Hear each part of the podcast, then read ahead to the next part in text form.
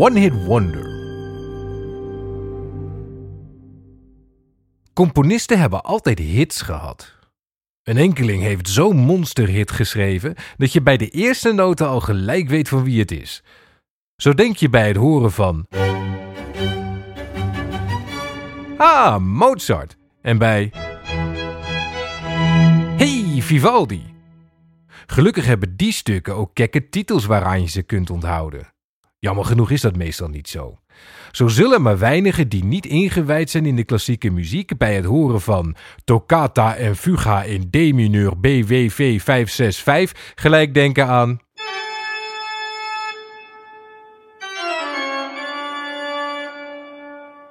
Sowieso heeft de klassieke muziek de vervelende gewoonte om geen titels te geven aan de composities, maar een droge beschrijving van achtereenvolgens de vorm waarin de cyclus is gecomponeerd, voor welk instrument, hoeveelste cyclus, de toonsoort, hoeveelste officieel uitgegeven werk volgens de telling van de componist, hoeveelste compositie binnen de cyclus en wat de tempo-aanduiding van het deel is.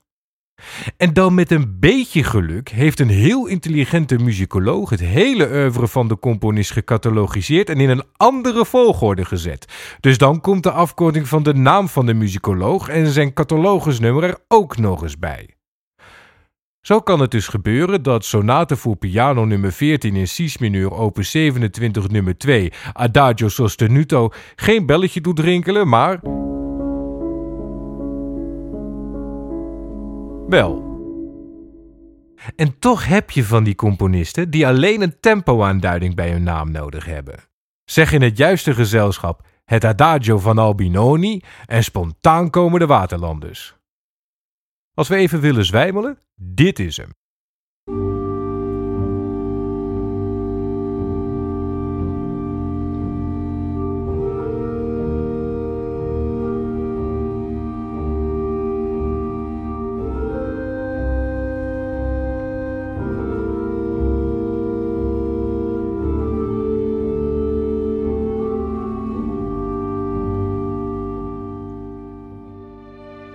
Tommaso Albinoni, interessante vent wel. Officieel is Mozart de eerste componist die zonder hulp van de adel of de kerk een bestaan opbouwde. Maar zo'n kleine honderd jaar eerder, in de hoogtij van de barok, ging Albinoni hem voor. Hij werd regelmatig door hoven uitgenodigd om een opera te komen dirigeren. En hij heeft de 80 geschreven, dus er was wel wat keus. De man schreef best veel eigenlijk, want naast die 80 opera's heeft hij ook meer dan 150 concerten en sonates geschreven. Tegenwoordig kennen we hem alleen nog van het Adagio. Dat is wat er overblijft als de tijd zijn selecterende plicht heeft gedaan. Nadat hij in 1751 overleed, was hij vrij snel vergeten. Alleen pianisten kenden hem nog.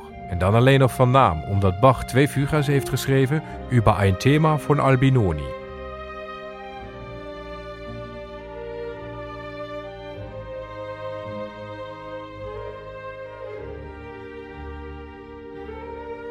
De muzikoloog Remo Giazzotto heeft in de eerste helft van de vorige eeuw de taak op zich genomen om Albinoni aan de vergetelheid te onttrekken. Door zijn invloed werd wel weer eens een concertje van Albinoni uitgevoerd, maar tot een revival van het kaliber Vivaldi wilde het maar niet komen.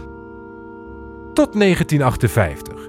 Toen publiceerde Giazzotto het Adagio van Albinoni. In concertzalen werden de zakdoeken tevoorschijn gehaald en menig dramatische filmscène had pardoes de juiste muziek ter ondersteuning. De zegentocht van Albinoni was begonnen, maar echt veel verder dan het adagio kwam het niet. Het adagio detoneerde met de rest van zijn oeuvre. Allemaal prima barokmuziek hoor, maar niets heeft de pathos van het adagio. Dat is ook niet gek, want het adagio van Albinoni is helemaal niet van Albinoni. Het adagio van Albinoni is van Remo Giazzotto.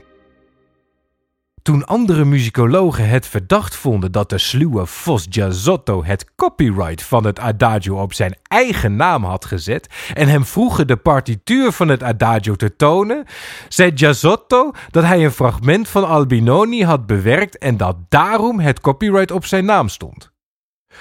Toen de muzikologen hem vroegen welk fragment dat dan wel was, zei Giazzotto dat hij het fragment had verloren. De muzikologen probeerden de muziekwereld bewust te maken van deze schande, maar niemand luisterde. Wat wil je ook? De zalen stromen vol wanneer het orkest het Adagio van Albinoni speelt. En Remo Giazzotto zag zijn bankrekening groeien. Ik heb de afgelopen dagen veel van Albinoni's muziek geluisterd, hopend dat ik u op andere juweeltjes kon tracteren dan het Adagio van Albinoni dat van Giazzotto is. Maar ik moet u teleurstellen. Albinoni's muziek is echt geen flikker aan. Zullen we maar gauw weer vergeten?